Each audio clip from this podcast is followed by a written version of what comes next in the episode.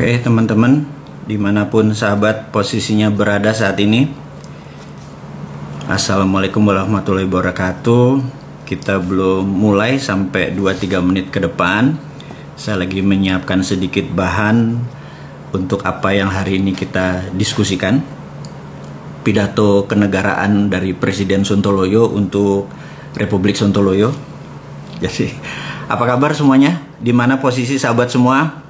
Jambi hadir. Tolong sebutkan posisi dan dari mana.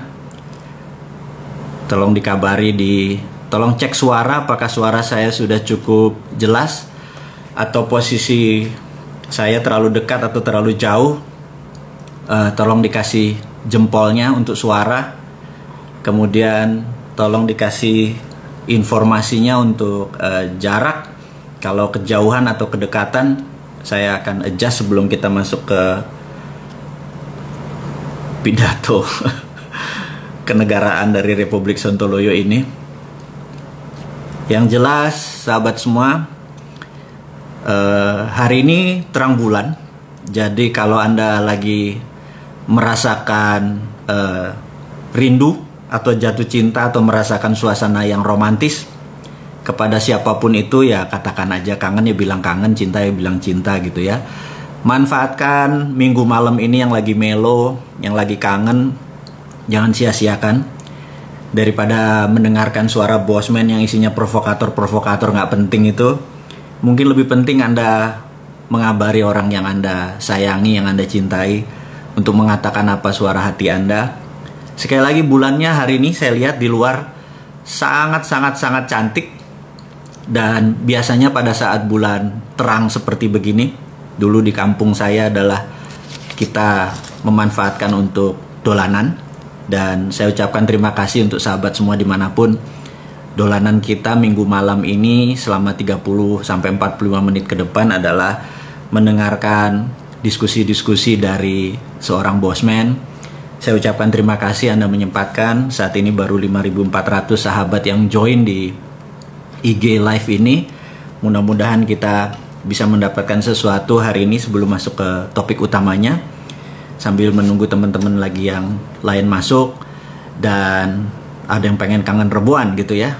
Dan sekali lagi teman-teman ucapkan di mana posisi Anda dari Semarang, dari Bengkulu, dari Kudus, Sidoarjo sekalian kenalan bahwa sahabat semua sahabat yang ada di IG adalah kita satu bangsa satu negara dengan satu cita-cita ingin negara kita berdaulat. Dan saat ini kalau kita tidak berdaulat, kita usahakan dalam waktu uh, yang sesingkat-singkatnya kita bikin berdaulat. Oke, sahabat semua, seperti biasa sebelum acara dimulai, saya ucapkan terima kasih untuk sponsor utama. Jadi sahabat saya di Business Hack, mereka yang repot mengurusi saya dan mengurusi organisasi yang bersama-sama ini dan Sponsor hari ini adalah cuma dua. Satu adalah buku Mardigu. Ada enam buku Mardigu yang saat ini bisnis saya kelola. Jadi sahabat, selagi masa COVID, learn from home itu saya sarankan baca buku Mardigu. Karena dari baca buku Mardigu ini acara live ini bisa disponsori terus. Kedua adalah ada video naratif yang menggunakan subliminal, menggunakan gelombang gamma yang namanya Road to Billionaire di mana ada 48 video yang menggunakan pemrograman sehingga bawah sadar kita bisa terupdate dengan sesuatu dan Anda menjadi lapar. Menjadi lapar ini adalah kunci dari uh, inti program bawah sadar tidak terdengar karena dia ada di subliminal, ada di binaural program. Dan sengaja kita memilih rasa lapar atau hungry. Sekali lagi ini kita belum masuk ke topiknya. Saya cuma me, me, mengingatkan bahwa rasa lapar itu penting. Saya ingat suatu hari di tahun 2009 saya ingat. Sahabat semua pasti ingat saya punya seorang ayah angkat yang saya panggil Babe. Di mana Babe ini adalah orang yang uh, bersama saya ketika ayah saya almarhum dan dia menjadi pengganti ayah saya, my godfather gitu ya. Dia orang yang sangat luar biasa dan sedikit dari orang Indonesia yang memiliki rekening lebih dari 12 digit jadi suatu hari di suatu sore di umurnya udah 70-an tahun lebih tahun 2009 uh, 2009 saya pernah mengalami shit happen in my life. Jadi kehidupan berantakan. Ya sekali lagi bahwa bisnis itu ada up ada down. Jadi saya duduk sore di kantor di tua kantornya dia dan dia biasa lagi ngerokok dan saya tidak merokok kan. Jadi saya temenin dia di taman belakang sore-sore menuju maghrib. Terus saya bilang berkata, Beh, bagaimana caranya supaya gue kaya seperti lu gitu ya. Saya ngomong sama dia babe dan lu gua lu gua gitu ya. Dia diem aja, dia ngerokok gitu ya. saya ngeliat nggak salah. Be, gimana caranya gue bisa kaya seperti lu gitu. Dia ngelihat saya, dia ngerokok lagi, cuek gitu. Lama-lama saya bilang, Be lu denger gak sih gue ngomong apa? Denger gitu. Emang kenapa? Gimana caranya gue bisa lebih kaya dari lu gitu. Dia narik rokok aja. Diem gitu. Lama-lama, Be, langsung aja deh Be. Gimana caranya gue kaya? Maka dia nengok saya, rokoknya dia dia matiin, dia bilang, lo lapar nggak? Lapar. Seberapa lapar? Lapar banget. Lalu apa jawaban dia? Dia ngeliat saya lagi, dia diam lagi. Be jadi gimana? Gue lapar nih. Apa jawaban dia? Kalau lo lapar, lo nggak butuh gue. Lo tahu cara cari makan dan lo tahu cara kaya. Itu kalimat adalah kalimat yang dalam sekali bagi saya, sehingga saya tidak perlu penjelasan. Jadi begitu kita ngerti, no need an explanation. Tapi begitu kita nggak ngerti, berjuta penjelasan juga nggak akan pernah bisa mengerti. Perkataan itu sangat filosofis menurut saya. Dan sejak saat itu saya mengerti arti lapar. Jadi saya mengerti arti puasa. Saya mengerti artinya berat. Saya memandang lapar dari arti yang lain. Saya memandang puasa sejak saat itu dari arti yang lain. Jadi sahabat semua, uh, menjadi lapar itu penting. Jadi how hungry you are mungkin tema hari ini. Uh, sekali lagi, seberapa lapar itu adalah program bawah sadar yang ada di Road to Billionaire. Jadi kalau sahabat berkesempatan untuk membeli dan menonton, kemudian menggunakan headset ya untuk pemrograman ini dan ulang-ulangi, program lapar itu akan menjadi bawah sadar Anda dan begitu Anda lapar, Anda melihat dunia dari sisi yang lain. Anda bisa melihat di other flip of coin. Anda bisa melihat sisi lain dari uh, uh, tadi. Dan peluang-peluang itu ada di sisi lain. Jadi sahabat semua, kita akan masuk ke acara hari ini. Kayaknya sudah cukup uh, prolog dari saya. Sekali lagi, Assalamualaikum warahmatullahi wabarakatuh. Sahabat semua, kita akan mulai uh, bicara tentang geopolitik dan geostrategi di mana ini adalah acara menjadi ciri khas dari acara mingguan atau dua mingguan. Dan terakhir kita membicarakan adalah uh, Pancasila sudah selesai. Jangan dibahas lagi. Jika ada yang membahas Anda ingin merubah kedaulatan bangsa Indonesia dan Anda berhadapan sama kita semua sahabat sahabat Bosman Sontoloyo ini jadi pertama yang kita mau diskusikan saya ada catatan dari ini adalah uh, marahnya Pak Presiden kemarin tanggal 18 sih marahnya tapi 10 hari kemudian diluncurkan di media massa dan dipublikasikan. Uh, bagi saya ini hanya mengingatkan sahabat saya ketika sah saya ini memiliki sahabat dia adalah wakil ketua intelijen binnya binnya Malaysia. Dia sewaktu pemilihan uh, menteri di bulan Oktober kemarin 2019 dia menelpon saya, saya kaget juga udah lama nggak berkomunikasi sama dia. Kemudian dia mengatakan bahwa uh, brother, ini pemilihan presiden, eh, pemilihan menteri oleh presiden Anda kali ini berbahaya. Saya bilang, kenapa gitu ya? Nah, maaf, kita lompat sebentar teman-teman semua bahwa di dunia shadow uh, setiap hari kita selalu uh, berdiskusi. Uh, maaf, suara saya kedengeran nggak? Saya kok agak putus nih. Masih oke? Okay? Tes satu dulu. Oke. Okay. Uh, teman-teman, jadi sahabat saya itu mengatakan bahwa ada bahayanya pemilihan waktu itu. Jadi saya mau menceritakan tentang dunia shadow. Jadi di setiap negara uh, dunia intelijen itu selalu mengawasi negara lain. Jadi misalnya di CIA di Langley itu yang mengawasi kebijakan pemerintah Indonesia itu bisa lebih dari 10 doktor ilmu kebijakan ekonomi, psikologi dan lain sebagainya. Jadi kalau ada kebijakan-kebijakan sebuah pemerintah terutama Indonesia, dia bisa mereview Dan kita tahu intelijen di negara-negara ASEAN juga melakukan hal yang sama karena Indonesia adalah kakak nomor satu ya kalau di cerita kungfu itu atau kakak tertua di ASEAN.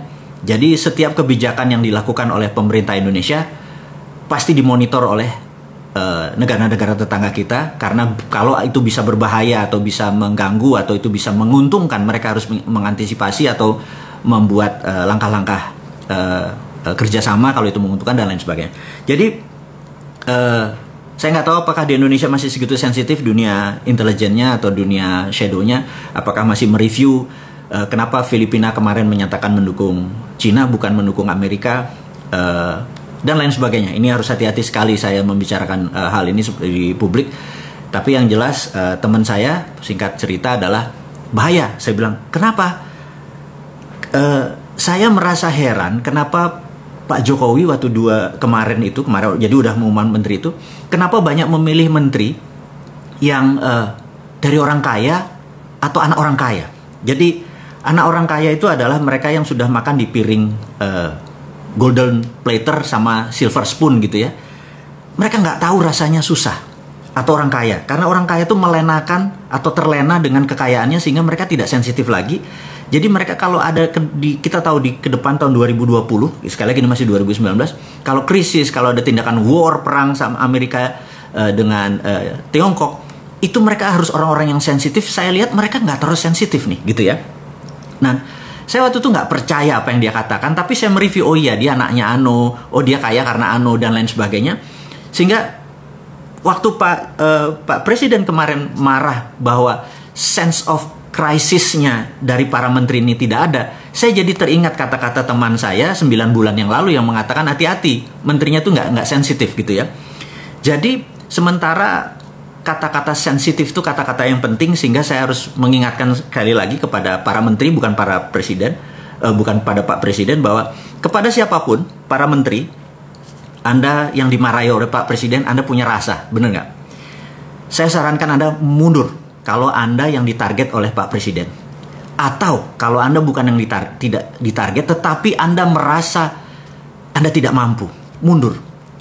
Karena sekali lagi, kami rakyat kita-kita ini sudah capek Indonesia nggak pernah jadi juara dunia lagi atau nggak pernah jadi juara Liga Champion atau nggak pernah juara Asia atau antar kampung aja kita jadi nggak juara ini gitu. Jadi saya pikir uh, sebaiknya kalau lagi pertandingan bola Eh, menteri-menteri yang ditarget atau merasa dirinya tidak mampu mundur gitu ya. Dan kenapa mundur? Karena kan Anda punya rasa, Anda lihat kayaknya saya nggak perform deh, ya sudah mundur aja. Lalu kepada menteri yang ditarget mundur. Sekali lagi, ini bukan krisis, ini udah ekstra ekstra ekstra ordinary. Jadi kalau di masa ordinary, di masa ekonomi biasa saja, itu cara mengelola ekonominya gampang, cara mengelola negaranya gampang berdasarkan demand supply berdasarkan boom bust. Kita tahu ekonominya lagi boom, lagi naik atau lagi bust lagi turun. Begitu lagi turun, bu, suku bunga diturunin supaya terangsang lagi dan lain begitu ketinggian bu, suku bunga dinaikin, uang lagi ditarik. Itu adalah teori ekonomi biasa sehingga uh, eh, juga mengelola negaranya biasa. Di masa krisis seperti tahun 98, seperti tahun 2008, mengelola negara at crisis itu ada lagi strateginya. Jadi itu ada extraordinary. Sahabat semua, saya mengingatkan saat ini bukan lagi negara atau dalam dunia dalam keadaan krisis atau krisis, tapi dunia at war. Itu kate kategorinya berbeda. Jadi, sahabat semua, saya juga mengingatkan Anda para menteri, mudah-mudahan Anda mendengar live, uh, menonton live video ini atau nanti rekamannya, bahwa yang namanya at war itu berbeda ngelola pada saat ekonomi atau dunia dalam keadaan krisis atau dalam keadaan normal. Sejak 2017 dunia confirm dalam keadaan economic at war. Karena menurut saya kebijakan kemarin 2017 sampai 2019 sekarang sampai 2020 udah tiga tahun ini salah kaprah karena melihat dunia hanya dalam keadaan krisis. Tidak sekali lagi ini dalam keadaan war. Saya sekedar mengingatkan ketika Donald Trump dilantik Januari 2017 besoknya Pak uh, Pak Trump lagi Trump menaikkan anggaran militernya menjadi 700 billion dolar. Saya mau ingatkan, anggaran militernya 700 billion dolar. Padahal biasanya cuma 500, naik 200 billion. Saya hanya mengandaikan anggaran Menteri Pertahanan di Indonesia, anggaran militernya di Indonesia adalah 135 triliun rupiah atau kalau didolarkan adalah 9 bilion dolar. Indonesia anggaran militernya hanya 9 bilion dolar. Sementara Amerika dalam satu tahun nilainya 700 bilion. Sahabat semua saya sekedar mengingatkan bahwa jika seluruh anggaran militer dunia digabung, Tiongkok yang 200 billion, eh, Jepang, Korea Selatan, Australia, semua di total itu masih lebih banyak anggaran militer Amerika. Dan Amerika memang mendominasi militer, mendominasi. Dan keesokan harinya dia mengangkat Pompeo menjadi direktur of CIA, orang number one CIA. Dan kita tahu dunia militer itu ada dua yang satu kombatan atau perang atau pakai bedil di mana 60% dari anggaran yang 700 billion tersebut untuk kombatan, yang 40% adalah untuk CIA operation. Ini mengagetkan dunia karena artinya pada saat itu Trump sudah mendesain Amerika dalam keadaan war atau perang. Di sinilah preparationnya Amerika sudah matang, kemudian 2017 akhir 2018 awal Amerika declare trade war atau perang dagang karena Amerika dulu mendominasi dunia. Jadi gini, negara itu berdaulat kalau ada yang didominasi. Jadi contohnya, Korea Selatan, dia mendominasi beauty, uh, kecantikan, make up beautician. Jadi dia gunakan K-pop dan drakor sebagai frontnya, frontingnya, back endnya adalah industri kosmetik. Untuk bukti, saya tahu sahabat semua pasti penggemar drakor drama Korea dan kamera di dalam mengambil uh, uh, syuting acara drakor pasti fokus di wajahnya. Anda akan terpesona dengan wajah orang Korea yang nggak ada pori-pori tersebut dan Anda bisa jatuh cinta karena cantik atau gantengnya orang Korea tersebut. Nggak kayak saya begini kan mukanya ada tambelan-tambelan. Kalau mereka mulus gitu ya, jalan tol pantat bayi aja kalah mulus gitu ya. Nah, jadi itu adalah etalasenya, itu adalah uh, front endnya. Begitu kita terpesona, dunia terpesona, film itu disebar gratis. Itulah kalau negara kompak dengan pengusahanya, kemudian Korea mendominasi kosmetik di seluruh dunia kosmetik dikuasai oleh Korea. Dan itulah namanya world domination. Dan kita tahu military domination masih dikuasai oleh Amerika. Jadi sahabat semua, setiap negara untuk berdaulat harus ada yang didominasi. Kemudian kita tahu China, Tiongkok dia mendominasi trade domination. Jadi kita tahu bahwa kalau ditanya siapa yang menguasai perdagangan, China number one. Kemudian siapa yang menguasai uh, uh, mendominasi informasi teknologi, Amerika. Kemudian siapa yang mendominasi uh, keuangan dunia, Wall Street, gitu ya. Siapa yang meng, uh, mendominasi currency yang transaksi dunia 97% menggunakan dolar gitu ya. Jadi dolar dominationnya, currency domination dipegang dolar. Jadi kalau kita lihat dari world domination, uh, military domination dipegang Amerika, uh, currency domination dipegang Amerika, uh, transaksi domination kayak Wall Street atau investment dipegang Amerika, trade domination dipegang China, kosmetik, beautician dan lain sebagainya dipegang oleh Korea. Indonesia di mana dominasinya gitu ya? kalau kita tidak mendominasi kita jadi victim. Karena itu saya pernah bilang bahwa kalau kita mau bermain, ada yang kita bermain. Kita ini berada di 80% wilayah kita adalah lautan dan lautnya adalah di Katulistiwa di mana tempat beternak atau bertelur hampir seluruh uh, uh, kehidupan laut adalah di uh, wilayah yang berkarang dan uh, seperti Indonesia ini. Sehingga kita punya teh jangan sampai di Bremen, menguasai. Kita punya tembakau ada di Eropa juga pasarnya atau bursanya.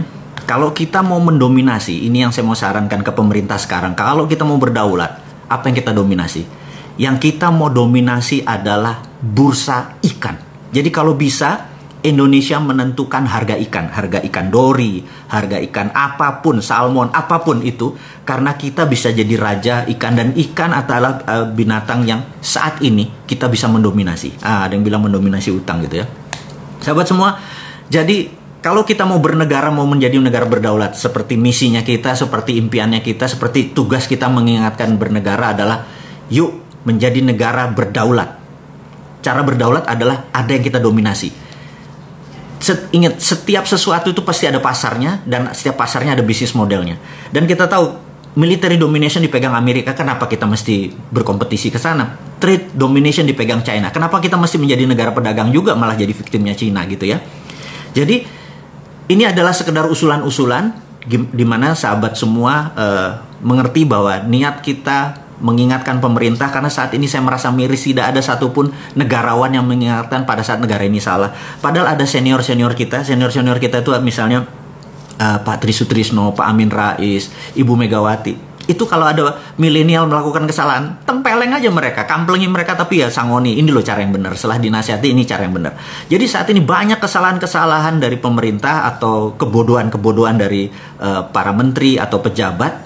Satu pun tidak ada negarawan yang mengingatkan dan meluruskan. Jadi apalah kita ini? Komunitas uh, kita ini tidak ada tidak anti pemerintah. Kita ingin negara kita berdaulat itu kita peringati dan kita kasih cara yang benar. Jadi sahabat semua kita nggak akan lelah mencintai negara ini walaupun negara ini dikelola oleh uh, uh, pengusaha yang saat ini apa penguasa yang saat ini mungkin sebagian mencintai negara lain. Nggak apa-apa kita pokoknya terus aja berjuang jadi kembali ke marahnya presiden jadi ada baiknya menteri-menteri tersebut mundur karena Anda siapa yang harus mundur? Anda merenung deh, ada 40-an sekitar apa menteri 34 dan beberapa uh, pejabat yang di ter, uh, teras tinggi negara pakai hati lah. Karena sekali lagi Anda kan punya hati, Anda tahu rasa karena itulah penting buat kita. Jadi kalau bahasa Jawa tuh sejati neroso sukmo sejati itu adalah jadi kesejatian tertinggi itu adalah kalau Anda punya rasa. Dan saya yakin semua orang punya rasa. Jadi gunakanlah sukma sejati Anda yaitu rasa sehingga negara ini bisa berjalan dengan baik yaitu mundurlah menteri-menteri yang tidak kompeten gitu ya. Oke. Kemudian saya juga mengingatkan untuk sahabat semua, sahabat muda semua, saya ini memprovokasi Anda semua bahwa tahun 2024 kalau bisa uh, pemimpin negara ini mulai dari partainya, mulai dari pemimpinnya kalau bisa usianya yang saat ini mereka di bawah 40 tahun. Maksud saya begini saya sudah melihat banyak sekali dalam dua bulan terakhir ini telepon, ngobrol, jumpa darat bahkan seminggu ini sama mereka-mereka pejabat pengelola negara yang atau orang-orang yang sudah umurnya di atas seperti saya deh orang-orang yang nggak berguna ini. Saya kalau ngobrol sama mereka mereka sudah butek dengan apa yang terjadi di Indonesia di negara kita ini karena mereka sudah semua jurus mereka sudah pakai. Maka jawaban saya adalah udahlah mundur aja kalian. Anak-anak muda ini yang di bawah 40 tahun sekarang yang milenial itu bisa ngelola negara lebih baik dari Anda semua. Itu kata saya dalam hati. Saya sampai bingung begitu mengatakan mengelola negara itu kita harus melihat current account kita, harus melihat uh, apa nama cadangan devisa kita. Saya dalam hati itu ilmu lama itu mah gitu, udah nggak kepake gitu. Terus kita harus melihat inflasi. Saya bilang, ah, inflasi. Saya bilang, saya saya saya cuman mau membicarakan begini, inflasi ya, bicara inflasi. Kalau harga Innova 200 juta, tapi nggak ada yang bisa beli Innova, mending mana? Harga Innova 1 miliar, tapi semua orang bisa beli Innova. Anda jawab sendiri deh. Harga semiliar tapi semua orang bisa beli Innova, atau harga 200 juta tapi nggak ada yang bisa beli Innova. Pilih mana? Saya pilih yang pertama tadi, mendingan 1 miliar harganya mahal Innova, tapi semua orang bisa beli. Harga beras di Jepang itu 50 ribu seliter, tapi semua orang bisa beli. Di Indonesia harganya 10 ribu, nggak semua orang bisa beli. Lalu apa inflasi gunanya gitu? Bagi kita kan perut kita kenyang, bener nggak? Hati kita enak, bernegara dan berkehidupan jadi santai gitu. Sekarang tegang semua. Kemudian kita tahu Menteri Keuangan kita ini kan jagonya fiskal. Jagonya pajak. Di economic at war, kita tidak memerlukan pajak karena di, pada saat negara lagi perang yang dibutuhkan adalah survival of the nation bagaimana negara ini supaya tetap hidup survive survive itu kalau mikirin pajak dikenceng-kencengin terus kita malah nggak bisa kerja pada saat ini harusnya kalau pada saat economic at war negara itu harusnya dikelola berdasarkan monetary jadi pakai bukan fiskal tapi pakai sistem moneter mau printing money kek mau apa pun itu pakai kebijakan moneter jadi saya menyarankan Pak Presiden, boleh ya diganti kebijakannya. Boleh tetap ibu yang sekarang, tapi kebijakannya pakai moneter. Atau ganti orang baru. Itu saran saya loh ya, jangan ambil hati. Bu Bu Menteri maaf loh ya. Ini kan pendapat pribadi, saya nobody kok. Jadi saya cuma mengingatkan bahwa di economic at war kita harus menggunakan pendekatan monetary, moneter. Contoh nih ya, karena pendekatan moneter itu tujuannya adalah diproduksi. Kalau pendekatan pajak isinya nangkepin orang yang uh, bekerja. Jadi pada saat economic at war sekali lagi gunakan kebijakan moneter printing money untuk hal yang produktif. Nanti kita akan sampai sana. Kita mau mengingatkan dulu teman-teman yang muda ini di mana Anda empat tahun lagi adalah pengelola negara ini dan pada saat Anda mengelola saya cuma ingatkan, pastikan tidak ada orang tua bersama Anda atau membantu Anda sebagai penasehat boleh, tapi jangan masuk ke struktur. Orang kayak saya buang aja, orang seumur saya atau di atas saya buang aja semua, gitu ya. Itu nasihat saya pertama. Kenapa? Karena Anda mengerti bagaimana mengelola negara ini. Jadi Anda lebih pas. Kenapa? Karena dunia saat ini terjadi resetting, di set, terjadi decoupling. Decoupling adalah perubahan dari masa sekarang dengan masa depan. Jadi masa sekarang itu decoupling, masa depan itu beda sekali cara ngelolanya. Ini yang saya mau mengingatkan semua teman-teman di di yang muda-muda ambil jabatan politik ambil struktur bernegara dan ubah negara kita. Tapi sekali lagi jangan ubah Pancasilanya, jangan ubah undang-undang dasarnya, jangan ubah apa pun. Yang Anda rubah adalah how-nya, caranya. Dasar negara udah selesai, caranya, how-nya. Dan orang-orang tua yang saat ini udah bingung semua sebenarnya. Mereka udah nggak ngerti. Jadi sekali lagi, saya takut 4 tahun ke depan kita belangsak gitu ya. Nah, how the world work? Bagaimana cara dunia bekerja saya mau ingatkan.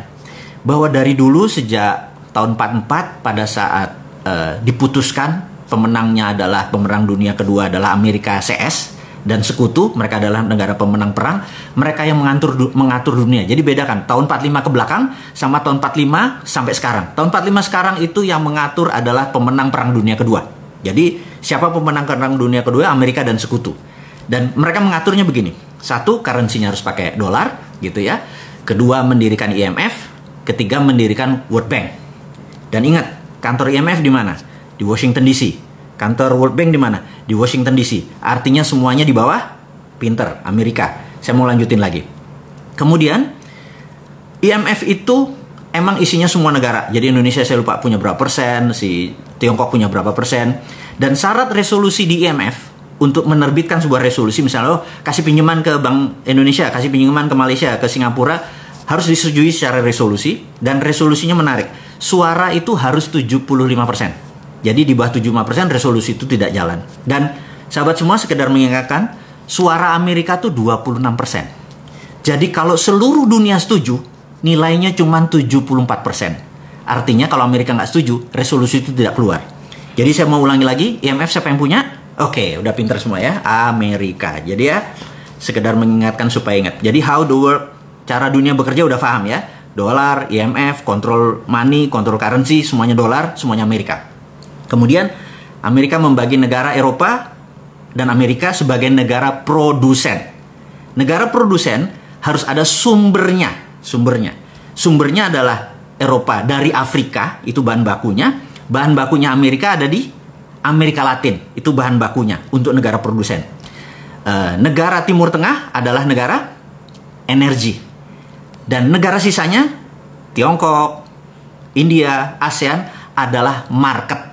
Jadi harus diingat, negara produsen harus kaya, negara yang diambil bahan bakunya oleh sumber bahan baku ini harus miskin. Jadi Amerika Latin harus miskin, lihat aja uh, uh, penuh hutang itu yang namanya Argentina, Brazil dan lain sebagainya itu uh, perang terus, ada kartel, ada drug dan segala macam dan Afrika juga perang terus. Ingat, karena dengan perang ini mereka bisa kontrol. Anda ingat ya, kurang ajar ya. Ini sekali lagi, ini semua by design. Jangan bilang ini karena oh ini wayai ngono. Enggak, ini by design. Jadi, lalu negara market. Negara market itu tidak boleh miskin, tapi tidak boleh kaya. Jadi kita di track di tengah. Jadi saat ini Indonesia misalnya negara middle upper middle jadi kita dapat 4000 dolar kira-kira. Dan Indonesia sampai sekitar 10 tahun lagi. Ingat Cina udah di Indonesia udah berapa? 4 5 tahun terakhir ini kan Cina masuk. Apakah GDP Indonesia naik dari 3800 terus naik jadi 7000? Nggak mungkin. Gitu ya. Terus Indonesia di bawah Amerika bakal naik nggak dari 4000 terus ke 7000? Nggak mungkin. Indonesia kan segini-segini aja naik 5, 6 persen, 2, 3 persen, kayak gitu aja terus. Karena kita adalah market, India adalah market, Tiongkok adalah market gitu ya. Nah, di tahun 90 ketika zamannya Ronald Reagan, di mana fokusnya Amerika adalah berperang lawan Soviet, dan kemudian fokusnya di energi, mereka lupa Cina waktu itu membangun infrastruktur tahun 90-an, membangun uh, UKM-nya dulu, membangun uh, apa namanya? produksinya dan begitu tahun 2008 pada saat Olimpiade Beijing dunia kaget. Ternyata Cina sudah menjadi produsen. Kalau udah jadi negara produsen, dia udah menjadi sejajar dengan Eropa, sudah menjadi sejajar dengan Amerika, maka Cina atau Tiongkok harus punya negara jajahan seperti Amerika di Amerika Latin, Eropa di Afrika. Sekarang pertanyaannya, siapa negara yang dijajah oleh Cina? Oke, Anda sendiri yang jawab. Saya nggak mau. Karena nggak mungkin Indonesia. Pejabat Indonesia pinter-pinter, orangnya pinter-pinter nggak mungkin Indonesia. Kalau bilang Indonesia itu orang itu fitnah itu, ya. Jadi Anda yang jawab, Anda yang jawab. Tapi Anda dalam hati tahu, anjrit, gue tahu tuh maksudnya bosman negara mana dan pejabatnya siapa, gue tahu gitu ya. Tapi wis kita nggak usah ngegosip karena ngegosip itu nggak nggak nggak nggak menyelesaikan masalah. Ini hanya mengajarkan, mengingatkan cara bernegara yang benar. Jadi sudah mulai mengerti how the world work gitu ya. Nah karena itu kalau Amerika dan Eropa adalah negara pemenang perang sekutu. Kalau dengan Cina, nah Cina ini lagi men-challenge, men-challenge Amerika, men-challenge dunia bahwa siapa yang jadi number one.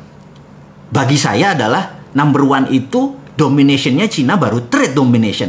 Amerika masih mempunyai beberapa dominasi yaitu teknologi informasi satelit, uh, alat perang dan lain sebagainya. Jadi kalau saya merasa kalau fisik mereka berperang, rasanya Amerika menang.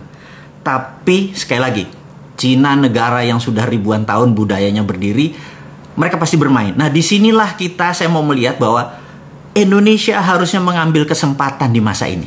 Ini nanti kita akan sampai sana. Ini yang saya, eh kok nggak diambil sih, goblok bener lu gitu ya.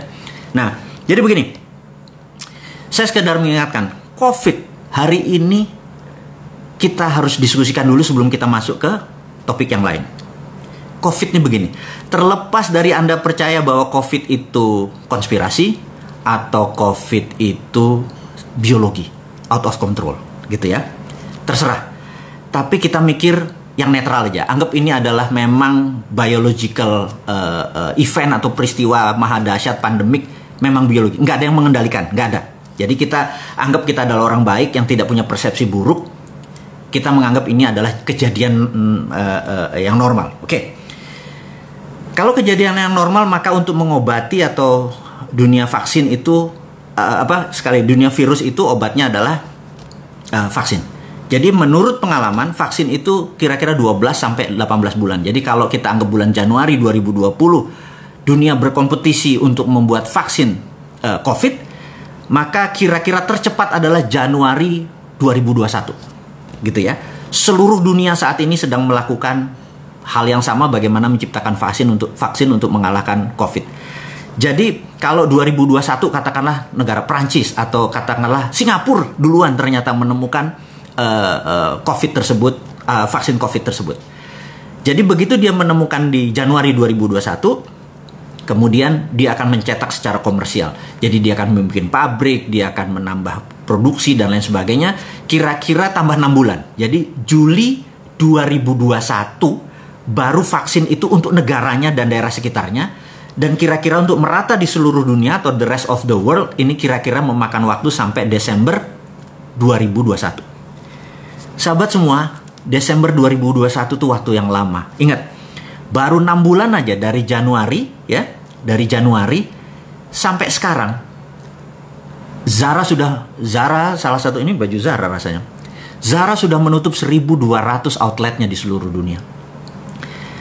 Airbnb yang tadinya 12 tahun ini menguasai dunia uh, hospitality di luar hotel liar tahu-tahu musnah hanya dalam enam minggu gitu ya. Dan kita tahu Patek Philippe Rolex Hermes Chanel barang-barang mewah tadi ya. Ferragamo dan sebagainya dan lain sebagainya berhenti produksi. Karena barang mewah saat ini orang nggak mau pakai Chanel nggak mau pakai Gucci mau ngapain lo gitu ya? Nggak nggak ke mana-mana gitu. Walaupun sekarang COVID sudah selesai atau atau banyak yang melepas PSBB-nya, tapi COVID-nya belum hilang dan banyak orang-orang yang merasa ntar aja deh gitu ya. Jadi ada perusahaan misalnya Unilever katanya kemarin itu baru mulai ini apa namanya operasi e, kantornya toto ada yang kena COVID kantornya tutup lagi work from home lagi dan ini terus menjadi e, e, bergilir sehingga ekonomi Indonesia di tahun di enam bulan ke depan ini sangat genting ini ini ini ini akan menjadi downtrend turun. Jadi saya mengingatkan sahabat semua, kalau Anda punya uang jangan invest dulu. Ganti ke dolar atau ganti ke emas gitu ya. Terutama emas. Hati-hati, hati-hati. Jangan, oh ini tanahnya murah, dia punya di bank nih harga 200 juta nih cuma selalu sabar, sabar. 6 bulan lagi jangan-jangan tinggal 50 gitu. Gitu ya. Sabar sekali lagi ya, sekali lagi. Saya hanya mengingatkan bahwa ini worst scenario. Mudah-mudahan tidak terjadi. Jadi apa yang terjadi kalau shit happen, Anda udah punya plan B-nya Sekali lagi sahabat semua, saya ngomong begini kelihatannya menyeramkan, tetapi memang berangkatnya saya dari trade analysis. Saya melihat apa-apa dari worst scenario, dari skenario terburuk, dari trade analysis. Kalau itu bisa diselesaikan, ya sudah, kita aman gitu ya. Tapi kalau kita nggak tahu, jangan sampai gini loh. Saya tuh kadang-kadang kesel sama pejabat sekarang ya. Jadi di, di, di bulan Januari kita underestimate terhadap COVID. Februari masih underestimate jadi sebelum peristiwa terjadi, kita tuh underestimate terhadap apa pun. Tapi begitu sudah terjadi, kita overestimate. Jadi begitu Januari underestimate, underestimate, atau Maret ada, wah paniknya kayak kayak besok mau kiamat. Kita overestimate. Terus sekarang balik underestimate lagi, gitu ya. Sama seperti akan pernah nggak uh, di di di laut uh, Natuna Utara? Saya nggak mau lagi menyebut laut Cina Selatan, laut Natuna Utara gitu ya. Apa? Eh, enggak, nggak mungkin perang lah. Mereka damai segala macam. Tapi kita underestimate. Begitu perang beneran, wah kita overestimate gitu ya.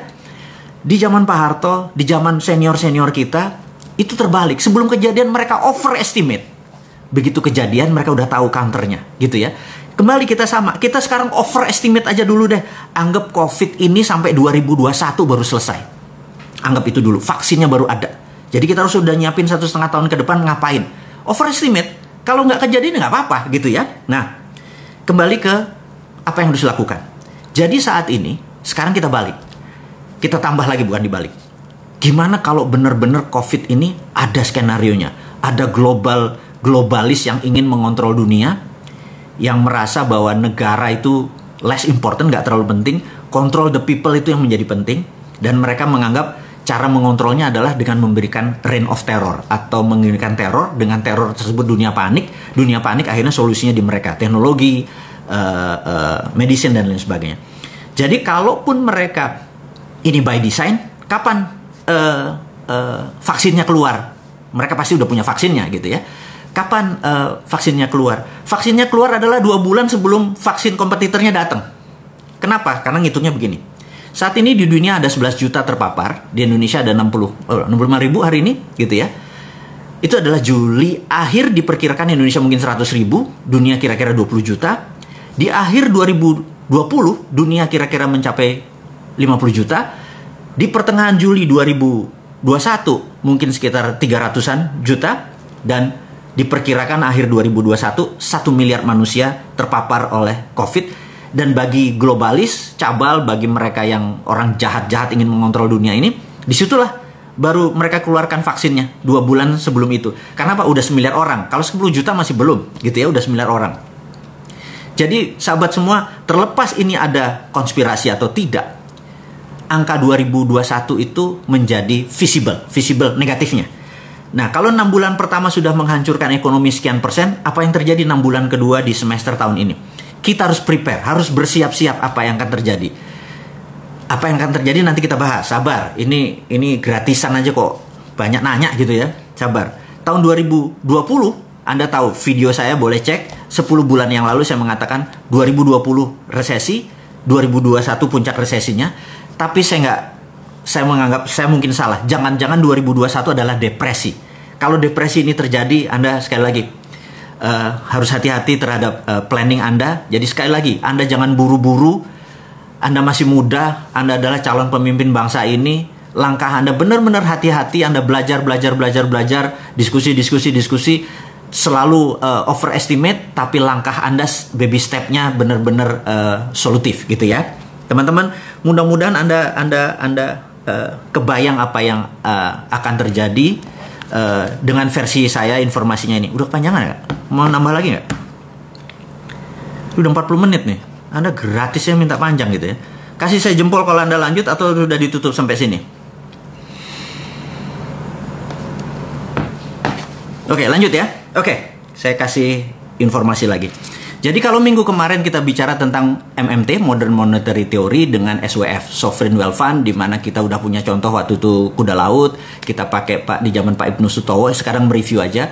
Kemudian kita menggunakan contoh seperti Dubai atau contoh seperti Aramco, Saudi Aramco, di mana ke depan mereka akan menggunakan Sovereign Wealth Fund dan kita menyarankan Indonesia tidak perlu ngutang. Jadi contohnya gini, kita audit nikel kita, katakanlah nikel kita nilainya 1000 billion, kemudian 20% nikel kita kita forward, kita ambil uang 200 billion dolar untuk membangun Nusantara. Tidak perlu hutang karena kita mau forward. Jadi bukan pinjaman ala Ibu Menteri. Ini ini ini beda karena ini kan negeri Sontoloyo ya, bukan negeri negeri negeri yang di seberang itu. Jadi kalau kita nggak bakal ngutang, itu ngutang tuh bukan kita banget. Ngutang tuh bukan anak milenial. Anak anak milenial tuh cash gitu ya. Karena kita kaya, bener nggak? Ngapain ngutang? Terus uh, uh, kedua adalah mengenai printing money. Printing money ini menjadi penting. Jadi kita tahu generasi tua di atas kita ini takut sekali sama namanya inflasi karena mereka pernah merasakan susahnya inflasi atau negara tidak dikontrol seperti tahun 98 inflasi sangat cepat sekali sehingga barang-barang nilainya menjadi uh, apa namanya uh, tak bernilai kemudian juga uh, di tahun 60-an, 66 terutama itu terjadi hyperinflation di Indonesia. Tapi sekali lagi, jika printing money itu mereka tidak setuju karena itu bisa menyebabkan negara dalam keadaan uh, inflasi. Saya mau menerangkan tentang inflasi dengan cara yang sederhana. Jadi gini, inflasi itu tidak ada selama printing money-nya ada underlying. Ini harus diingat. Jadi saya sekedar mengingatkan sahabat semua, saya ulangi lagi, Anda mungkin pernah dengar tapi ya biar nggak biar ilmu ini nancep ke dalam repetition adalah segalanya. Repeat, repeat, repeat gitu ya. Jadi keunggulan adalah tidak ada. Keunggulan adalah seseorang yang meripit sesuatu sehingga menjadi keunggulan. Saya akan repeat lagi. Jadi kita tahu di awal tahun 89 uh, eh, terjadilah dialog yang sangat menarik di mana Deng Xiaoping pada saat itu pemimpin Cina sedang berhadapan dengan demo masyarakat Cina yang pengen menjadi negaranya menjadi demokrasi. Kemudian ada 11 jenderal dari Partai Komunis Cina yang menghadap Deng Xiaoping bilang lebih baik kita uh, tidak menjadi negara demokrasi, mereka kita babat. Tapi kalau Anda memilih demokrasi, Anda memilih memenangkan perjanjian seperti dengan Ronald Reagan. Jadi waktu tahun juga ada perjanjian dengan Ronald Reagan untuk jadi nah, Cina 40 tahun kemudian menjadi negara demokrasi. Kami ah, sorry, kami bersebelas tebas saja lehernya gitu ya. Kami nggak usah ngikutin Deng Xiaoping sangat dilema, kemudian keputusannya adalah dia memilih sahabat dia, jenderal yang 11 itu, kemudian dia uh, libas itu demonstran dan Cina menjadi negara tertutup, kemudian dia uh, fuck IMF, fuck World Bank, dia udah nggak butuh gitu ya. Baik, akhirnya mereka berdua belas rapat dan rapat ini menjadi sangat fenomenal karena ada sebuah tagline yang saat ini masih ada yaitu hari itu momen itu adalah ada sebuah kata-kata uh, ya namanya the secret meeting that change China. Di situlah adalah masa meeting rahasia yang merubah Cina sampai sekarang, yaitu mereka menggunakan dua currency, satu renminbi, satu yuan, yuan untuk di luar China, renminbi di dalam Cina, renminbi dicetak berdasarkan proyek. Nah, saya memberi contoh nih ya, saya memberi contoh. Gimana caranya pada saat misalnya si Sontoloyo ini jadi presiden. Contoh ini ya, jangan ngarepin, saya nggak akan pernah mau. Jadi contoh, jadi gini, jadi suatu hari Menteri PUPR datang, lapor Pak Presiden kita perlu bangun satu juta rumah. Oke, okay? terus Menteri BUMN, Anda perlu berapa? Perlu 100 triliun Pak. Oke, okay.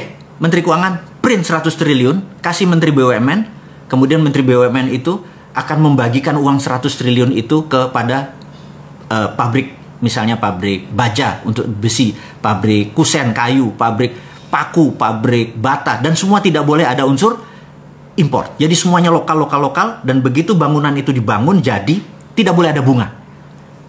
Orang bayar tidak boleh ada bunga. Kemudian tidak boleh harga dinaikkan. Jadi misalnya satu meter persegi dari bangunan tersebut adalah 3 juta per meter, makanya 100 meter persegi ya 300 juta. As it is.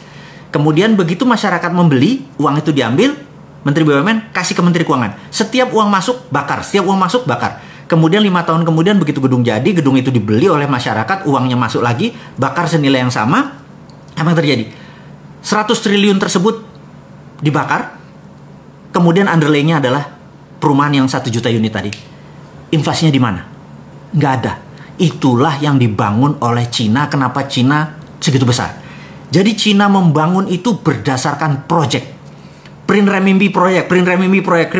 Dulu renminbi dan yuan itu benda yang berbeda. Tapi sekarang 30 tahun kemudian renminbi dan yuan satu, udah nggak kita bicarakan lagi. Nah, kemudian begitu Amerika saat ini perang sama Tiongkok, apa yang dilakukan oleh uh, Amerika? Amerika bisa melakukan dollar reset value. Apa itu dollar reset value? Dollar reset value itu begini. Cadangan devisanya Cina berupa dolar sekitar berapa? 2 triliun dolar atau 2000 billion. Apa yang terjadi kalau dolar dipotong jadi separuh sehingga nilai uh, devisa dia menjadi separuh?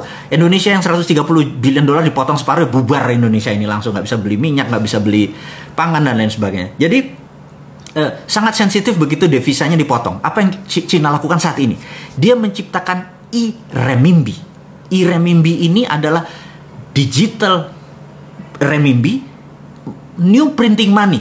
Jadi Amerika mau potong separuh bodoh amat. Gue udah punya gitu ya. Nah, jadi saya sarankan kepada Pak Presiden, teman-teman kita sepakat di Republik Sontoloyo ini untuk mengingatkan Presiden kita di negara tetangga itu bahwa kalau mau keluar dari masalah bangsa Indonesia, print money gunakan e-rupiah. Base-nya apa? Kalau e-rupiah kan digital. Gunakan blockchain. Karena blockchain itu kan trusted open ledger. Sehingga uang keluar ke mana pun bisa waktu kita menganggap ini sudah cukup beredarnya kita tarik kembali dengan uh, strategi blockchain, lah ketarik juga sehingga tidak ada inflasi. Inilah solusi untuk menolong bangsa ini untuk menjadi bangsa yang besar, melebihi Tiongkok, melebihi Amerika dalam waktu sekejap. Jadi hater dan buzzernya Bosman itu adalah kaki tangannya Amerika dan Tiongkok yang tidak pengen Indonesia berdaulat. Dan sahabat semua, Anda jangan takut tuh proyek ini dikorup. Anda itu berpikir kuno. Kalau ada berpikir, oh nanti gimana dikorup? Nggak mungkin dikorup karena ini pakai blockchain. Dan nggak mungkin dikorup karena ini ada underlayingnya. Sekali lagi, sahabat semua, lupakan cara berpikir lama. Lupakan inflasi, lupakan itu namanya dikorup segala macam. Ini blockchain. Dan strategi ini simple, negara tidak usah menggunakan infrastruktur yang lama, gunakan infrastruktur yang baru. Gunakan infrastruktur yang baru. Caranya bagaimana? Saya punya sahabat, saya saya punya sahabat begini. Sahabat saya saya manggil Kak Camah, dia usianya mungkin 15 tahun di atas saya kakak saya ini seorang wanita yang uh, punya masalah di otaknya. Jadi kalau uh, uh, apa ternyata pas di di CT scan itu ada blocking di kepalanya. Jadi uh, tapi kalau dia dioperasi itu kemungkinan selamatnya cuma 30%. J jadi sementara kalau dia lagi kesakitan itu painkiller termahal pun tidak bisa menyembuhkan rasa sakitnya. Jadi apa yang terjadi? Begitu dia sakit dia bisa pingsan. Kemudian gimana solusinya? Dia dioperasi chance peluangnya kecil sementara di kepalanya ada blockage atau pemblokan. Jadi kalau di jam 9 malam dia mulai ngebatik, pakai canting dia ngebatik gitu ya. Tidur jam 3 pagi atau habis subuh dia baru tidur. Dua tahun kemudian dia merasa heran kok selama pusingnya atau penyakit kepalanya nggak hilang gitu ya. Kemudian dia ke Singapura untuk CT scan. Sahabat semua apa yang terjadi? Allah itu luar biasa. Jadi ini otaknya dan jaringan saraf yang keblok tadi, tahu-tahu tumbuh jaringan baru, masih kecil, itulah yang membuat uh, apa namanya solusi sehingga dia bisa uh, normal kembali gitu ya. Jadi dia menciptakan saraf baru. Nah, pada saat ini Indonesia seperti bloknya otak tadi. Kalau pakai cara yang lama, nggak selesai negara ini. Jadi, apa solusinya? Solusinya adalah gunakan jalur baru. Lupakan yang lama, biarin yang lama, biar orang yang lama, yang politikus, apa segala macam, biar di sini. Kita yang muda-muda gunakan jalur baru Itulah yang akan kita lakukan segera gunakan e-rupiah. Jadi sahabat, rasanya kalau bisnis seperti uh, apa yang kita sebut tadi atau ekonomi seperti tadi kelihatan gampang. Sesungguhnya segampang itu. Yang dibikin rumit itu mereka supaya kita anak muda atau Anda bukan saya, saya udah tua. Yang anak muda seperti kalian semua itu tidak mau mengelola negara ini. Sahabat, adik-adikku, ambil Empat tahun lagi Anda yang harus berdaulat. Kalau ini nggak dipakai juga e-rupiah, kita tunggu empat tahun lagi dengan sabar. Saya kasih itu semua. Dan jangan harap saya minta posisi. Anda yang lebih berdaulat. Saya cuma mau ngewirit jagongan aja lah. Makan makan jagung di rumah, guyang-guyu, ketawa-ketawi. Itu membuat umur saya mungkin jadi 100 tahun. Daripada saya harus uh, apa namanya berada di tengah-tengah Anda yang muda-muda, saya malu. Gitu ya. Jadi, sahabat semua, di ujung pembicaraan topik hari ini. Semoga sahabat semua berkenan. Semoga sahabat semua bisa menjadi panji-panji pejuang-pejuang digital patriotisme di mana kita akan merebut kembali kedaulatan tidak mulai dari kapan pun tapi dari sekarang Anda harus terus belajar Anda terus semangat. Sekali lagi COVID itu ada dan kita harus nggak boleh kalah dengan COVID. Globalis itu ada, kita nggak boleh kalah dengan globalis. Kita harus punya strategi-strategi itu. Kita terus berjamaah, kita terus saling kontak, kita terus selalu bersama-sama. Akhirul kalam dari saya saya ucapkan.